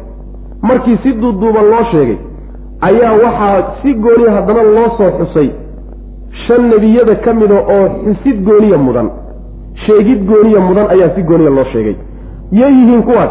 Waa nimanka la yidhahda ululcasmiga ululcasmi rususha la yidhahda shanta ee ugu fadli badan rususha ayaa si gooniya loo xusay. Waa nebigeenna salawatullahi wasalaamu caleyhi baa loogu hormariyey oo isagaa ugu fadli badan.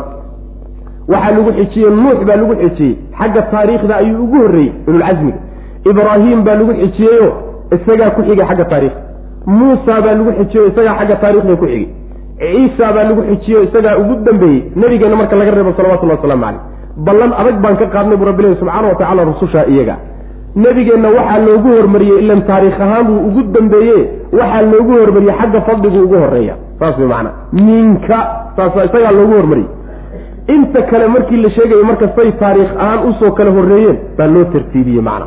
Saas wey ballantaa waxaa nebiyada looga qaaday waxa weeye aakhare marka la tago dadka runta sheegaya in runtooda la warsado oo kuwa runta sheegaya yihiin waa nebiyadii ilaahi subxaana wa tacaala. Waxaa la weydiini maxaad xilkii laydiinsii dhiibay maxaad ka gudateen. Markaasaa waxay odhanayaan allow waanu gaadhsiinay. Gaaladiina ayagana waa la weydiin. Haddii la weydiiyena waxay ku jawaabeen ma helayaan cadaab baa marka kuwaa la geyn wa lilkaafiriina cadaaban aliima. Sidaas wey macana gaaladii cadaab baa la geyn. Nebiyadii ilaahayna runtoodii baa la weydiin. Adduunka markay joogeen ay hayeen runtii un bayna sheegi doonaan macna. Waanay ku soo marnay fii aakhiri suurati yani maa-ida. Nabiyullaahi ciisa calayhi salaam rabbi inuu maalinta qiyaamada uu weydiin doono su'aalo badan. Su'aalaha marka la weydiiyo. Rabbi wuxuu odhan doonaa hada yawmu yanfacu saadiqiina sidquhum waa maalinta dadka runta le runtoodu ay anfacayso wey marka runtoodu waa jawaabaha dhabta ay ka bixin doonaan. Adduunka markay joogeen iyo xilkiisay u guteen macna. Wadkur waxaad xustaa nebiyow id wakti akhadna aan qaadnay. Min annabiyiina nebiyada xaggooda markaan ka qaadnay miihaaqahum ballankoodii markaanu ka qaadnay. Ballan bay kala qaateen iyagii rabbi subxaana wa tacala oo allah ballan yani xil baa la saaray wey wa minka adigana waan kaa qaadnay. Waa nebiyadii oo dhan middaas. Si gooni ah. Wa minka adiga xaggaaga markaan ballanta kaa qaadnay nebiyow wa min nuuxin nuux xaggiisa markaanu ka qaadnay wa ibraahiima iyo ibraahim wa muusa iyo muuse iyo wa ciisa ibni maryama maryam wiilkeeda ah lagama tago ibna maryam inta badan waa la daba dhigaa. Wa akhadnaa waan qaadnay. Minhum xaggooda waxaan ka qaadnay nebiyada miisaaqan ballan haliidan oo adag. Ballanka adag waa midka dhaarta lagu adkeeyey. Ballan adagoo goobjoog laga ahaa markhaatina laga ahaa. Dhaarna lagu adkeeyey ayaa laga qaaday. Ayaguna ka markhaati kaceen. A aqrartum? Ma qirteen bu alla ku uhi subxana wa tacala markaasa waxay dhaheen qirnayo ogolaanay ballantaa way ballanta marka rabbi subxana wa tacala uu ka qaaday.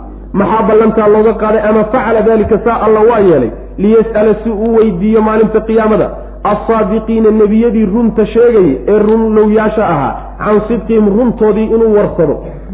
Oo ayaga waxaa loo warsanaya xumayn iyaga lagu xumayn meehe kuwii shalayta beeniyey kuwaasaa lagu xumaynaya waacadda alla wuu diyaariyey lilkaafiriina gaalada wuxuu u diyaariyey cadaaban cadaab buu u diyaariyey aliiman oo xanuujiya. Yaa ayuha aladiina aamanuu dkuruu nicmat allahi calaykum id jaa'atkum junuudun faarsalna calayhim riixan wajunuudan lam tarawha wa kaana allahu bima tacmaluuna basiira.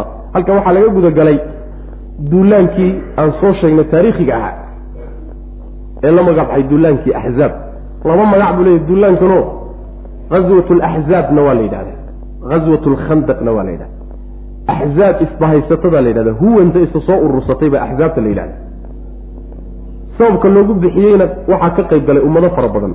Duulaankaas. Muslimiinta lagu soo duulay. Khandaqna waxaa loogu bixiyey.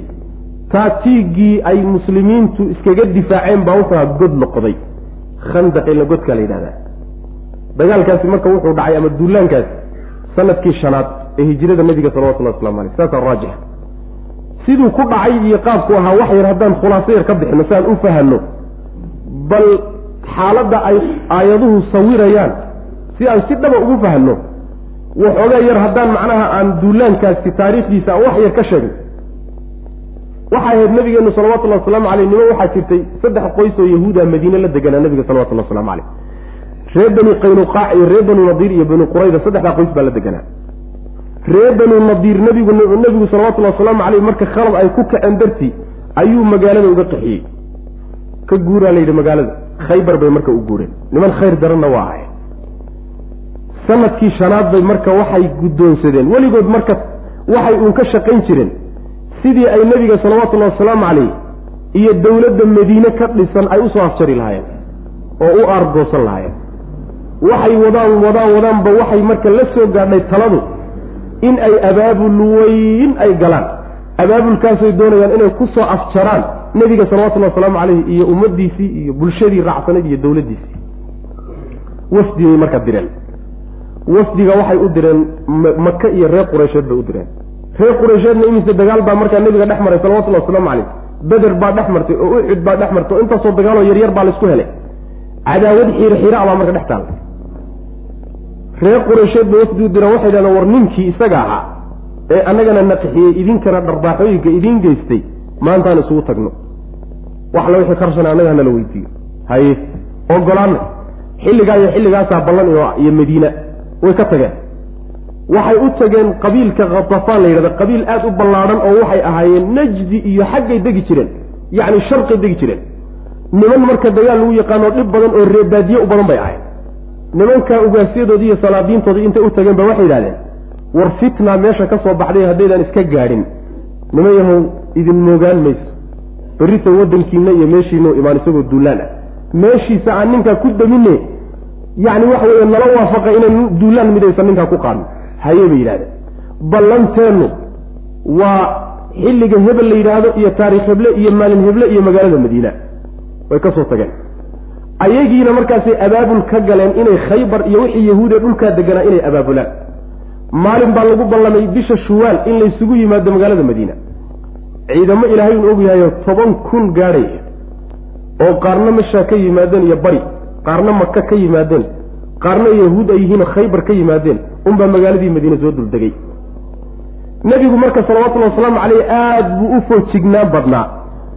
Oo yacni waxa weeyaan wuxuu lahaan jiray sirdoon dhaqdhaqaaqa ka jira macnaha eriyada oo dhan buu nebigu la socon jiray salawatullahi waslamu caleyh intayna waxuu sooba gaadhin buu ka warheli jiray markaasuu taxadar ka qaadan jiray nebigu salawatullahi waslamu caleyh wuxuu ka warhelay marka abaabulka socda. Markaasuu wuxuu isugu yeedhay saxaabadiisa raggii talada lagu yaqaanay ayuu isugu yeedho taliya buuhi marka hawshanaa taalle bal hala taliyo. Ninba waxbuu soo turay oo akhiiran waxaa lagu gabagabeeyey oo lagu guddoonsaday talo uu soo jeediyey nin saxaabiga la odhan jiray salmaan alfarisi oo reefrus u dhashay. Taladaasi waxay ahayd wuxuu yihi nebiga magaalada madiina. Yacni waxay u samaysan tahay. Dhanka bari dhul taag ahoo dhagaxley ah yaa ka ah. Dhanka galbeedna dhul dhagaxley ah ayaa ka ah. Dhanka yacni koonfur iyo januubna waxaa ku yaalla beero waaweyn oo asandooyin ah iyo dhul taaga wey iyaduna. Lama soo mari karo marka intaa midna lagama soo geli karo. Way xidhanta waxa keliyata magaalada lagaga imaan karaayo waxa weeyaan waa dhanka waqooyi wey ee buurta uxud ay ka xigto. Markaasaa wuxuu yihi nebiyow annaga sidan oo kale markay nagu dhacda nima furs waagaanu joogay. Sidan oo kale hadday nagu dhacday waxaan isticmaali jirnay inta yartee furan baanu god ka qodi jirnay godkaa markaan qodno aad baa godka loo ballaadhini waxaa loogu talagelayaa fardoolayda iyo ragga socodka midna inuusan soo gudbin. Ciidanka marka waxaa lagu taxayaa godkaa hareer dhankiisa soke ee magaalada xigaa lagu taxayaa ciidanka. Dhufays bay gelayaan marka. Difaac bay u diyaar garoobayaan wax ciidan walba hadduu is yimaado ma gudbi karaan marka. Wixii farasana godkaas yuu geli. Wixii niyan ninan soo marana godkaasuu soo geli. Halkaana fallaadhaha iyo waxaa lala fadhiisanaya warmaha iyo leebabkaa lala fadhiisano wax soo dhawaan kara maba jiro qorshahaasu marka soo jeeday qorshahaasuu nabigu guddoonsaday salawatullahi waslamu caleyh godka qoditaankiisii baa la bilaabay oo muddo lagu mashquulsanaa aad buu godkaasi u dheeryaa culimadu markay macnaha cabirkiisa sheegayaan god aad u dheerba hoosna aad bay u dheereeyeen. Yacni ballac ahaanna waa ballaadhnaa yacni masaaxada dhulka uu ku fadhiyana aad bay u dheereen godkii markii la qoday. Ciidamadii waa soo degeen marka. Meeshii laga filayey inay soo degaan bay soo degeen. Halkii markay soo degeen oy u diyaar garoobeen inay magaaladii weerar ku qaadaan ayay marka godkan la kulmeen. War balaayadani xagee ka timi waxay carabi aqoon jirtay ma ah. Taatiig dagaal oo carabi aqoon jirtoo lagu talagalay oy ku dagaalami jireen ma ah. Khibrad carab ka weyney oo reebaadiyahan meeshan degan ka sarraysa wey dawladihii waaweynaa dagaaladoodii qaabka u dagaalami jireen talaa marka ku facsharantay oo waxay sameeyaan bay garan waayeen.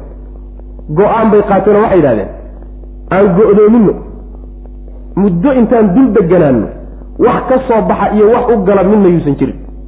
Cunaqabatayn baa la yidhahdaa go-doomin bay ku sameeyeen halkaa markuu ku gaajoodo ama isagaa iskeeni ama meeshooda ku bakbakteeya go'aankaasay qaateen. Meeshii bay marka degeen. Reer qureysheedna meel bay degeen khatafaanna meel bay degeen reer bani nadiirna meel bay degeen iyo yahuudi. Xaaladdu mar ay halkaa marayso. Nebiguna salawatullahi wasalaamu caleyh iyo saxaabadiisu heegan bay ku jiraan oo halkaasaa dhufays lagaga jira magaalada looma soo dheelmado caruurtii iyo haweenkiina dhufaysyo sarsare oy magaaladu lahaan jirtay bay dusha ka saaran yihiin lagu raashin karsadaa. Xaaladdu maray halkaa taaganta. Nebiguna salawatullhi waslamu aleyh ciidanku wato waa saddex kun taqriiban. Aad marka loo buunbuuniyo la badiyo waa saddex kun. Toban kun wax ka badan baana dul degan wax isu dhigma marka ma ah. Xaaladdu mar ay halkaa marayso yuu nebigu salawatullahi wasalaamu caleyhi saxaabada la tashaday. Laba nin oo labadii reeree ugu xoog badnaa meesha ugaasiye u ahaa oo laba sacad la odhan jiray buu nebigu u yeedhay tanuu u soo jeediyey. War waa kanoo laysugu keentegi oo laysu keenkaashay bal fi ra'yi baa ila qumanaaday waxaan rabaa inaad ka tala bixisaan. Haye wuxuu yidhi waxaan rabaa nimanka la yidhaha reer katafaan waa qabiilka ugu badan.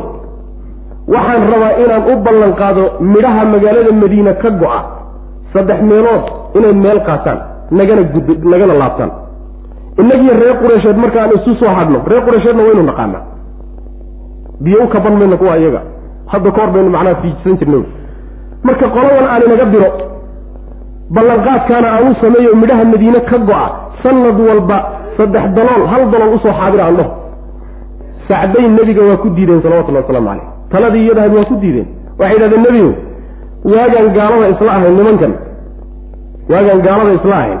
Weligood xoolo kuwanaa inay bilaash ku qaataan mayna hunguriyeynin inaanu ama martigeliyo ku siino ama ay naga iibsadaan mooye xoolo kuwanaa inay bakshiish iyo ku qaataan macnaha laaluush iyo cabsiin iyo cagga juglayn weligeed ma dhicin bay dheh maanta ilaahay islaamna siiyey oo diin ilaahay soo dejiye aan haysanno. Inay raash ku qaataan bilaash iyo caga juglayn ay ku qaataan waa waxaan dhacaynin bay dheh wax alla waxay hayaana soo daaya diyaar baan u nahay awow ugaasyo ka geesisan. Kuwa maanta jooga ma ahayn kulley taas way macana kuwa maanta jooga ma ahayn. Nebigu marka salawatullhi wasalaamu caleyh caadadiisa waxaa markuu saxaabada la tashado taladoodu kolba qaabkay u badatuu yeeli jiray nebigu salawatullahi waslamu caleyh sidii iyagu ay ku tala bixiyeen buu ku guddoon qaatay. Xaaladdu markay halkaa marayso ayaa nimankii reer bani nadiir ee abaabulka samee yahuudda ahaa yaa waxay u dhuunteen qoyskii madiine la deganaa nebiga ree banu reer bani qurayda oo magaalada ka degan dhanka koonfureed. Magaalada dhexdeed degan yihiin laakiin dhanka koonfureed bay ka degan yihiin nebigii iyagana waxaa ka dhexeeya heshiis. Cadow kor ka yimid inaysan garab istaagin. Nebiguna inuusan wax dhibaata ugeysanin salawatullah waslamu aleyh in la wada noolaado heshiiskaasa ka dhexeeya. Yahuuddii kale reer bani nadir odayaashooda intay u tageen baa waxay yidhahdeen war maanta xaggeed kaga hadhaysaan ninkan baabi'intiisa inkaar idinku dhacday tala xumidina waa ilaa wa ilaaba maanta waa inaad nagu raacdaan ninkan kaata dagaalkiisa. Way diideen way diideen say ugu wadeen ugu celcelinaya waa ogolaysiyen marka dambe. Xaaladdu meel adag maray marayso. Oo furinta hore ay saxaabadu ku wada jiraan. Oo dagaal yaroo goosgoosa u dhacay oo saxaabada qaarkood ku dhaawacmeen oo aad loo argagaxsanaya sida qur'aanku inoo cabiri doono ayaa waxaa la soo sheegay dhankii koonfureed qabiilkii deganaaye reer bani quraydana ballantii waa ka baxay reerihii iyo carruurtii bayna ku soo aadan yihiin xaala sooma qadhaadhaani marka taqriiban toban kun baa la hor fadhiyey oo hal dhinac laakiin kaaga aadan dhankii kale ee aad macnaha rajadaba ka qabtay oo magaaladii w inteedii weynaa kaa xigtay carruurtii jirtay ayaa waxaa la yidhi haddana reer bani qurayd oo sideed boqol oo nin oo dagaalyahana ayaa xaggana ka yimid. Waa furin labaadoo furinta furanta wey marka nebiga marka salawatullahi wasalaamu caleyh wuxuu sameeyey. Rag buu diray wuxuu yidhi bal warkaa inoo soo hubsada. Warkii baa la soo yaqiinay oo waxaa reer bani qurayda nebigo sida la sheegay way ballantii waa ka baxeen. Nebigu marka wuxuu sameeyey salawatullahi wasalaamu caleyh furinta qeybta weyn ciidamada ka celin maayo. Ciidamadu halkaasay joogaan. Laakiin wuxuu sameeyey magaalada wuxuu u sameeyey wareegto ciidamo wareega oo waardi oo habeenkii isbedbedela ayuu nebigu magaalada u sameeyey salawatullah waslamu caleyh reer bani qurayda siday si aysan magaalada iyo carruurta iyo kada aynan ugu weerarin yuu nebigu ciidankaa sameeyey salawatullah waslamu caleyh xaaladdu mar ay halkaa marayso. Muddona arrintu ay daba dheeraato. Ayaa waxaa soo islaamay nin la ohan jiray nucayd bin mascuud oo qabiilka reer katafaan ah ka dhashay ayaa soo islaamay. Isagoo socduu nebiga u yimi salawatullahi waslamu caleyh markaasuu yidhi nebiga waan soo islaamaye maxaan sameeyaa? Ma safkaan soo galaa? Mise hawl kalaad ii diri? Inaan islaamayna weli layma oga. Nebigu wuxuu yihi salawatullahi waslamu aleyh waxba hadna soo dhexgeline soo dhexgelin haddaadna soo dhex gasho waxba nagu biirin maysire kac intaad dhex gasho waxaad kala siri karto kala sir. Khayaano iyo lalxbu khudca wey dagaal sidiisaba waa macnaha waxa weye waa ilduuf waay wax alla waxaad samayn karta kac samey buu ku yidhi. Wuu tegey marka. Qoyskii uu ka dhashay reer katafaan buu u tegey markaasuu yihi war reer katafaanow ma i ogtihiin horta inaan idinka dhashay? Ha. Inaan daacad idin ahayna may ogtihiin maya. Ha waan koogna wax khayaanaa miyaad igu tuumaysaan maya. Haddaad intaaba aada igu og tihiin waxaan idiin sheegayaa nimankii la odhan jiray yahuud reer bani qurayda ee ballanta wada gasheen ballantii way idinka baxeen. Maya wuxuu u tegey yahuud u tegey reer bani quraydu u yimid. Reer bani qurayduu marka wuxuu ku yidhi waa yahuuddii nabiga madiine la deganay salawatullahi waslamu caleyh wuxuu ku yidhi war nimankan kor ka yimid ee reer qureysheed iyo reer katafaan berrita meesha idinka idinka tegi doonaan hadday hadda jaanis helaanna jaaniska way ka faa'iidaysan. Hadday jaanis weeyaanoo meelay wax ka qabtaan waayaanna nin walba gurigiisii iyo degmadiisii ka yimid buu ku laaban idinkiiyo maxamed baa laydin kala tegi doonaa. Maxamedna iskama celin karta war isdaba qabta. Maxaad nagula talinaysaaba dheen marka? Way isu dhiibeen. Waxaan idinkula talinayaa. Nimankaa reer qureysheed iyo katafaan labadaa qabiil. Markay idiin yimaadaan oo yidhahdaan maxamed baanu weerari rabnaa. Waxaad tidhaahdaan rag aanu rahan u haysanno oonu idinka hayno oo nala dagaalgala khayaanaan idinku tuhmaynaaye na siiya. Si aydaan nooga cararin haddii kaleta inaadna khayaanaysaan oo haadaan nooga tilaabsanaysaan baa noo muuqata. Waayahay bay dhahaan. Alalaha tala fiican baad bixisa waa ka laabtay reer qadhafaan buu u taga wuxuu yihi war nimankii reer yahuudeed taladii waa ka baxeen ballantii. Ballantii way idinka baxeen maxamed bayna u tageenoo waxay ku yidhaahdeen niyahu waanu khaldannay ee naga toobad aqbal. Iska kaanadaa waxaanad shardi naga ah ood nagu aqbalaysaa ood nagu daynaysaa labadaa qabiil intaanu rag ka keenno yaanu kuu keeni raggaa laa iskana kaa nacfi haye sidaasay maxamed heshiis kula galeen raggiinayna doonayaan inay dhiibaan. Hadday rag idin weydiistaan ha ka yeelina. Waa yahay bay dheheen alalaha raganimo dheh ka yimid oo reer qureysheed buu haddana u tegey. War reer qureysheed oo inaan saaxiibkiinahay ma ogtihiin inaan daacad idinahay ma ogtihiin inaan idin khiyaamayno ma ogtihiin haabay dheh nimankii ree yahuud ballanta ka baxee rag bayna doonayaan maxamed inay ugu dhawaadaan oo dhiibaane ragga ha iska dhiibina. Waaya labadii qabiil baa marka intay wafdi soo direen bay u yimaadeen reer bani qurayda markaasay dheen reer bani qurayda muddo dheer baanu meesha deganay. Idinku dee guryihiinni baad iska degantihiin. Annaga dabayle iyo qorax iyo balaayo o dhan baanu meesha lagu haysa ma sii joogi karne ninka aan weerarne ballantu waa inu sabtida yahuudi waxay tihi war sabti annagu ma ma dagaalanno. Waa maalin macnaha dagaal naloo diiday haye waaye axadaynu dagaalami. Maya e war baana soo gaadhay. Inaadna khiyaamaysaan baana soo gaadhay. Waxaanu rabnaa inaad rag noo reebtaan. Dagaalkan aan saan ku wada galno qoladii reer quraysheed iyo qadhafaan baa marka waxay yidhahdeen aleelahay ninkii nucaym la odhan jiray run buu inoo sheegay. Oo kaas. Ma u jeedaa raggeennii inay nimanka doonayeen inay dhiibaan? Meeshaasaa horta kalsoonidoodii ku kala dhimatay. Reer bani qurayda dhinac bay u go'aan reer quraysh iyo qadafaanna dhinac bay u go'aan kalsoonidoodii kala go'day marka. Dawrkaas iyo kaalibtaasuu marka qaatay ninkii la odhan jiro nucaym. Mar dhow wuu soo islaamay. Haddana wuu kala furfuray. Ilaahay subxaana wa tacaala ibni aadamka qaar buu wuxuu siiyaa xikmad iyo caqli aada la yaab leh. Meesha uu ka galay bal layaabkeeda u fiirso.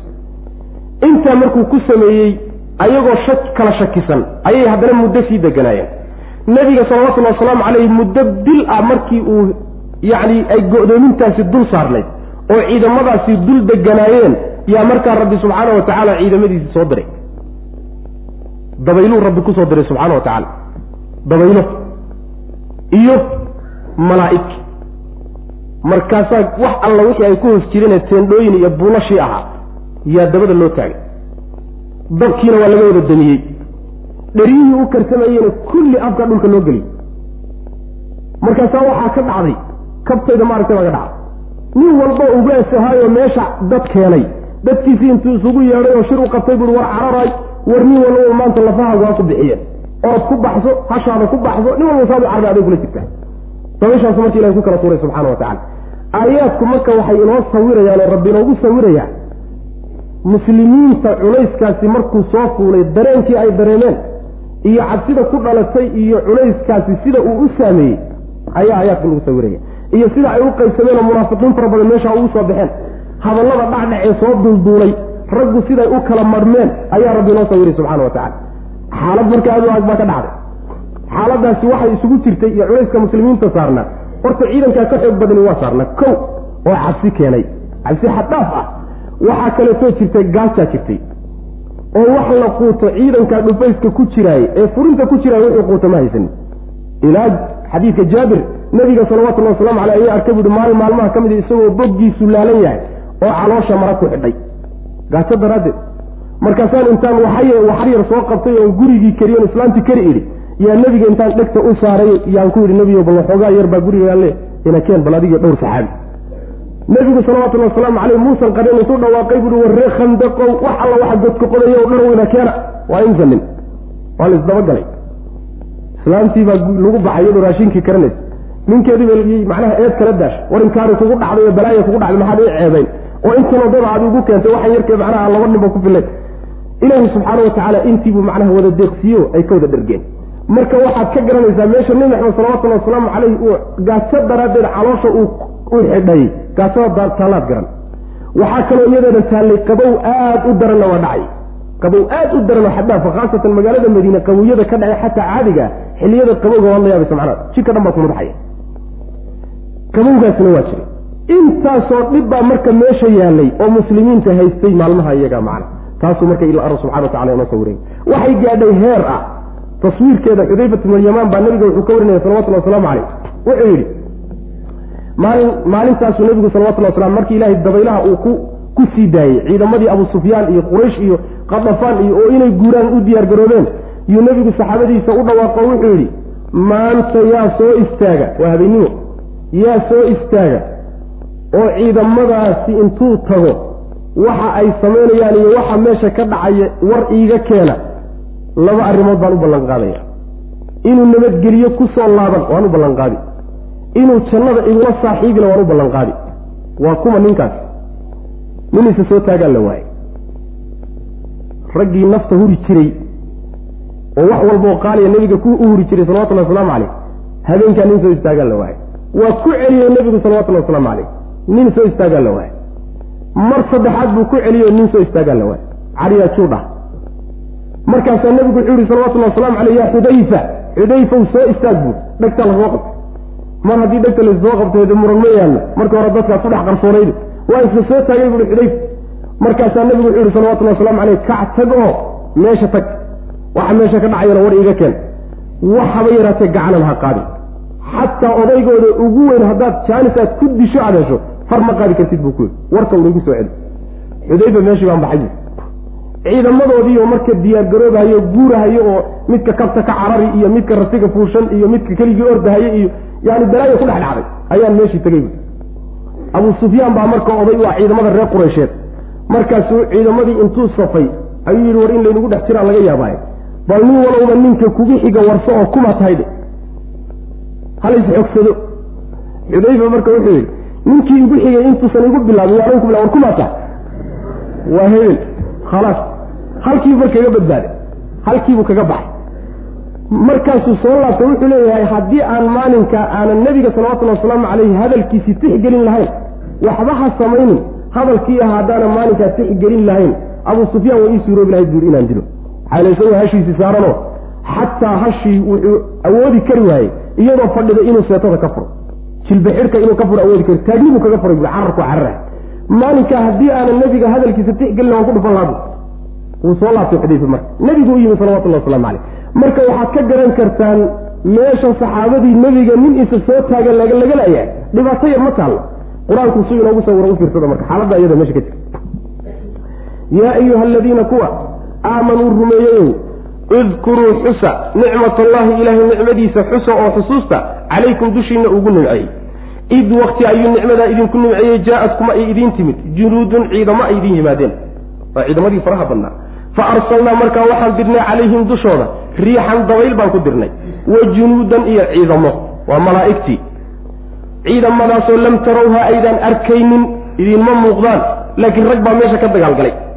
Waxaan wax kala foocinahaye wax kala gedinahaye wax kala rogayahay waa ciidamo rabbi subxaana wa tacala wa kaana allahu allana wuxuu ahaaday bimaa tacmaluuna waxaad samaynaysaan basiiran midkii arkayuu ahaaday.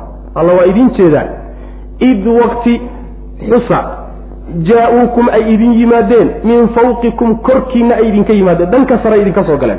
Wa min asfala dhanka hoose minkum xaggiinna idinka hooseysa yacni dhankiinna hoosena way idinka yimaadeen dhanka hoosena waa idinka soo galeen.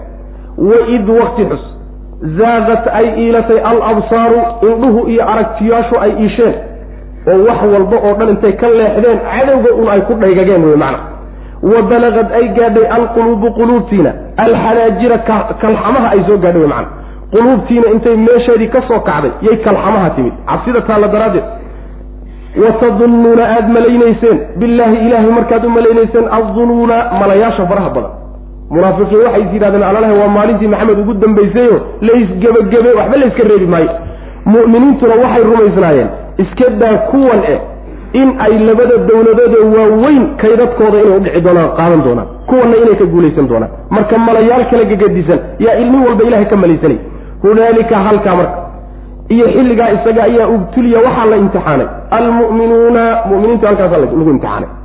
Xaaladaasaa rag ku kala baxeen. Ibtilaaga wanagii soo marnay oo kala saariddaa la yidhahdaa inta wax dusha layska saaro waxaa in lagu kala marhmo rag la kala marh soo maa rag waxay taagan yihiin munaafiqiina hadallada inoo soo socda ragna waxay taagan yihiin kaanum iyagoo wax dhibaba gaadhinba. Wazulziluu waa la gilgilay mu'miniintii. Zilzaalan gilgilid shadiidan oo daran si daran baa loo ruuxay wey macna. Yacni ruuxiddaasi waa xaaladihii kala gagadisnaa ee haystee dareenka ku sameeyey. Yaa waxaa laga dhigaya iyagii o dhan in la ruuxay oo kale. Sidaas wey macna. Waid wakti nebiyow xus yaquulu ay leeyihiin almunaafiquuna munaafiqiintu markay lahaayeen iyo waladiina kuwa fii quluubihim quluubtooda dhexooda u ahaaday maradun cudurku maxay lahaayeen? Waxay lahaayeen maa wacadana allah alla nooma yaboohin wa rasuulu rasuulkiisu ilaa guruuran kada mooye wax kale loo yahay alalaha waa nala khayaamay imbiratoriyaadka waaweyn baad kaydadkooda furanaysaan waana la lugooyey saasay lahaayeen. Waa munaafiqiintii war laysma gaadhina maad u kaadisaan. Maad ka war sugtaan bal waxay ku dhammaatay maya xaaladay dhammaatay oo laysgebagebe meelaan ku soo kaadinay laana. Waxay odhan jireen maxamed wuxuuna odhan jiray ruum iyo furus baad qabsan doontaan. Maantana midkaanna macnaha saxaradiiyo kaadiibu banaanka geyn laaya hadalladay odhan jireen bay ka bataa macna. Saas wey mu'miniintu laakiin aba yaraate ee qalbigooda wax yaroo isbedela kuma dhicin inay guulaysan doonaan. Rabbina u hiilin doono subxana wa tacala saas wey yaa ayuha aladiina kuwa aamanuu rumeeyeyow idkuruu xusa. Nicmat allahi ilaahay nicmadiisa xusa calaykum dushiina uugu nimceeyey id wakti buu idin nimceeyey jaa-adkum ay idii timid junuudun ciidamo markay idin yimaadeen. Fa arsalnaa markaasaanu dirnaa calayhim dushooda riixan dabayl baan ku dirnay. Wa junuudan iyo ciidamo. Ciidamadaasoo lam tarawha aydan arkaynin waa malaa'igtii alla wey. Wa kaana allahu allana wuxuu ahaaday bimaa tacmaluuna waxaad samaynaysaan basiiran midkii arkayuu ahaaday id wakti ayuu alle idiin nimceeyey. Jaa-uukum ay idin yimaadeen min fawqikum xaggiina kore ay idinka yimaadeen. Xagga kore waxaa ka yimid waa katafaan iyo reer quraysheed wey wa min asfala minkum xaggiina hoosena markay idinka yimaadeen xagga hoosena ayaa ka yimid waa reer bani quraydo wey waa qabiilkii yahuudda ee ballanta ka baxay labada dhinacba markay idinka soo galeen wey macana waid wakti ayuu idin nimceeya alla zaaqad ay iilatay alabsaaru maxaa laga wadaa waid zaaqat alabsaaru laba macnaba waa suurtagal indhihiibaa waxay ka leexdeen zaaqada leexashada la yidhahda wax kastoy fiirin lahayd oo dhan intay ka leexatay ba waxay ku dhagagtay cadowgoodii bay ku dhagagtay ama waxaa laga wadaa indhihiibaa wax walba intay ka leexdeen bayba taagmeenba macna. Ruux markuu hanfariiro oo naxasamad arag indhaha taagmi sidaas macnaa in laga wadana waa suurtagal. Waid zaaqat ilabsaaru indhihii markii ay leexdeenoo wax walba ay ka leexdeen oo wa balaqad ay gaadhay alquluubu quluubtiina ay gaadhay alxanaajira kalxama. Yacni cunaha markay agtiisa ku soo dhawaatay waxaa loo isticmaalaa ruuxu markuu aada u naxo argagaxo oo cabsi badan ay ku dhacdo ayaa waxaa la yidhahdaa qalbigiisiibaa soo guurayo markaasuu kalxanta yimid. Saasa cabsida macnaha xeel meeshay gaadhay ayaa macnaha laga warramaya. Wa tadunnuuna markaad malaynayseen billaahi ilaahay markaad u malaynayseen addunuuna malayaasha faraha badan. Malaha faraha badani waxa weeye mu'miniintuna waxay ka malaysanayeen inuu ilaahay u hiilin doono. Munaafiqiintuna waxay malaysanayeen in laysbaabi'in doono. Oo maxamed iyo saxaabadiisa maanta arrinkooda la soo aftari doono. Hunaalika halkaa ayaa ubtiliya la imtixaanay almu'minuuna mu'miniintii halkaasaa lagu imtixaanay. Oo imtixaankii ugu weynaa halkaasuu ka dhacay. Rag halkaasaa lagu kala reebay.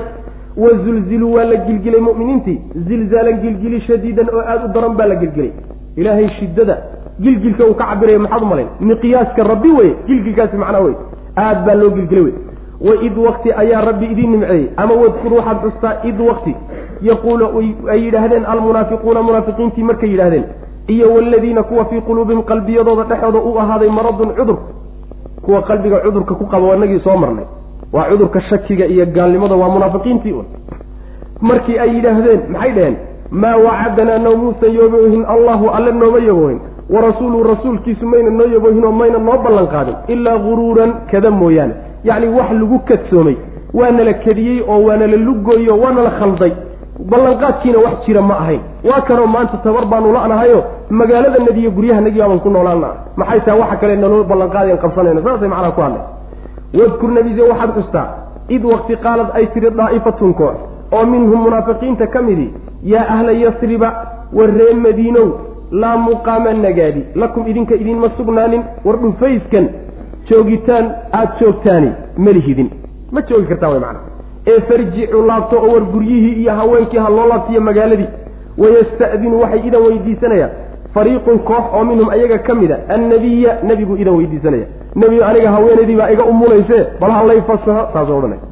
Carruurtii iyo macnaha xayntii baa siigee waxbaa iga lumay. Nin baan ballan la lahaa nin walba cudurdaar buu keenay. Allay fasaxu ley mana xaaladda adkaatay yaquuluuna waxay leeyihiin waa ka cudurdaarkay ku cudurdaaranay ee fasaxa nebiga ku weydiisanayeen yaquuluuna waxay leeyihiin ina buyuutanaa guryahanagu nebiyow cawratun way dayacan yihiin guryahanagii baa dayacanoo bannaan tuugna waa u bannaan yihiinoo waa u dayacan yihiin cadowna waa u dayacan yihiin haye maxaa artaan marka guryihiha naloo dira way marka wamaa hiya manan ahaanin buu rabbi leeyahay maa hiya maynan ahaanin guryahaasi bicawratin mid dayacan ma aha way un ku marmarsoonayaane guryihii dadka un bay la mid yihiin sidaas wey in yuriiduuna ujeeddaday doonayeene qalbiga ku jirtay ay qarinayeen baa markaba la soo saaray. In yuriiduuna maa yuriiduuna ma ay doonayaan ilaa firaaran carar mooye wax kale ma doonayaan. Hor nimanka fulanima haysee inay baqdaan oo cararaan bay rabaane.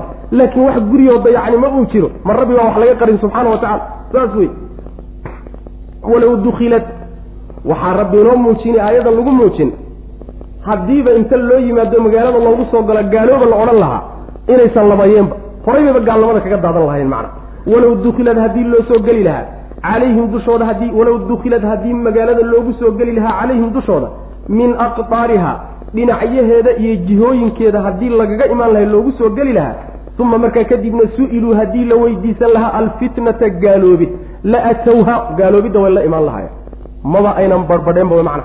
Ma barxeene markaba way samayn lahayen wamaa talabasuu mana aynan nagaadeen bihaa ay canha fitnada maynan ka nagaadeen ilaa yasiiran wax yar mooyaane.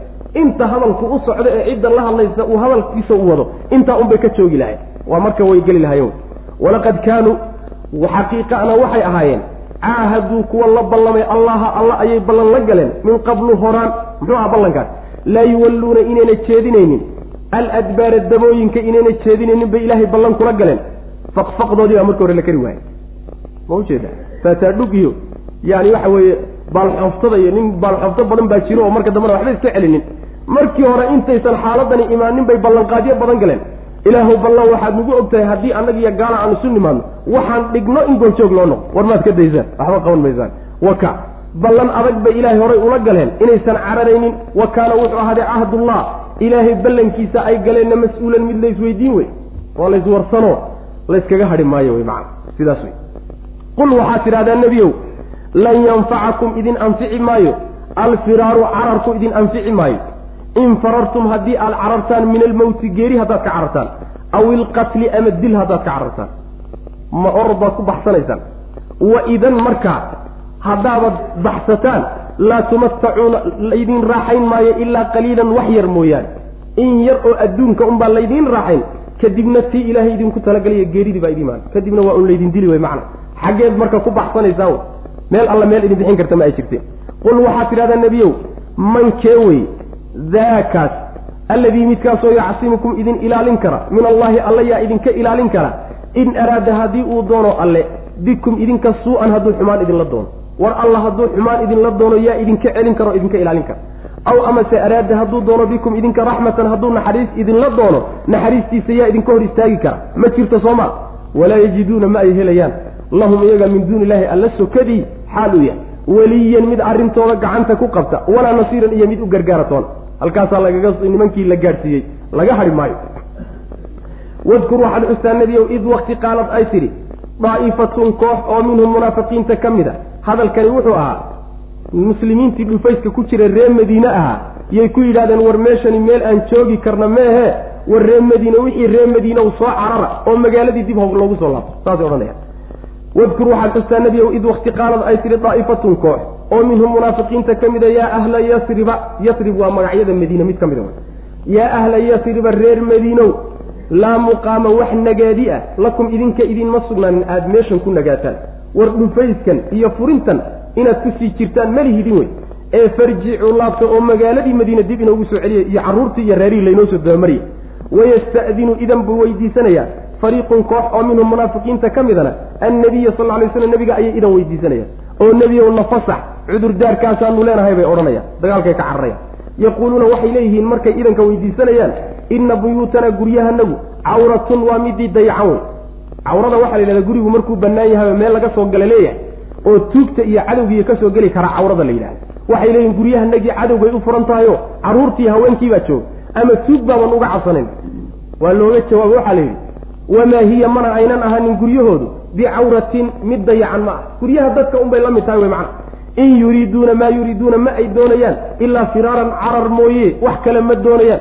Ujeeddada dhan ay u marmarsoonayaan hanana fasaxa u leeyihiin.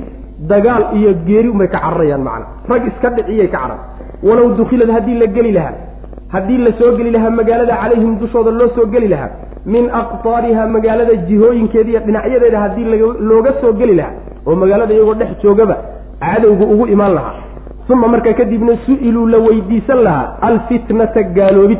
Oo inta loo yimaado gaalooba haddii la odhan lahaa la atowhaa gaaloobidda way la imaan lahayen way samayn lahaayeenoo wamaa talabasuu weliba maynan nagaadeen oo maynan ka joogeen gaalnimada iyo fitnada biha ay canhaa gaalnimada mayna ka joogeen iyo fitnada ilaa yasiiran wax yar mooye. Wax yar unbay ka baaqan lahayen markaba way isku daadin lahayen oo gaalnimada geli lahay macnaha qalbigay gaalo ka yihiine waxaana idiin muujinaysanaya wax jiraba maaha wey macana walaqad kaanuu xaqiiqe waxay ahaayeen caahaduu kuwan la ballamay allaha alla ayay ballan la galeen min qablu horaan. Intaan dagaalkani dhicin. Laa yuwalluuna inayna jeedinaynin bay kula ballameen. Aladbaara dabooyinka inayna jeedinayn oo gadaal ayna jeedinayn cararaynin macna wa kaana wuxuuna ahday cahdullaahi ballankii alla ay la galeen mas'uulan mid laysweydiin buu ahaaday. Qul waxaad tidhahdaa nebiyow lan yanfacakum idin anfici maayo wax idiin tari maayo. Alfiraaru carar in farartum haddaad carartaan min almowti geerida aw ilqatli ama dil geeri aada iska dhimataan ama gacan cid kale in laydinku dilood ku dhimataan labadaa taad ka carartaanba carar meel idin geyn maayo idinna anfici maayo wa idan markaana laa tumatacuuna laydin raaxayn maayo ilaa qaliila wax yar mooye haddii xataa dagaalkan aad ka fakataan soo wax yaruun adduunka inta ilahay idinku dalgala raaxayn maysan maysaan geeriduna soo markaa idiin imaan mayso adduunkana soo ka tegi maysaan haw saas wey macana qul waxaad tidhahdaa nebiyow manke wey maamulka inuu ilaahay gacanta ku hayaa la dareensiino inay ku kalsoonaadaan loo baahnaa. Qul waxaad tidhahdaa nebiyow mankee wey daakaas alladii midkaasoo yacsimukum idin ilaalinaya min allahi alla yaa idinka ilaalin kara. In araada hadduu alla doono bikum idinka suu-an xumaan hadduu alla idinla doono. War hadduu ilaahay xumaan idinla rabo yaa idinka celin karo xumaantiisa idinka hor istaagi kara. Aw amase araada haddii uu doono alle bikum idinka raxmatan naxariis hadduu idinla doono yaa naxariistiisa idinka celin kara. Ma jirto wey. Hadday arrinku saas yahay marka isaga ku kalsoonaado oo fulaynimadan iyo cararkan iska daaya walaa yajiduuna ma ay helayaan buu rabbi yidhi. Lahum iyaga min duuni illaahi alla sokadii weliyan mid arrimahooda gacanta ku qabta walaa nasiiran iyo mid u gargaara toona ma ay helayaan. Hada wabilahi tawfiq sal allahuma waslama cala nabiyina muxamedin wala alihi w saxbi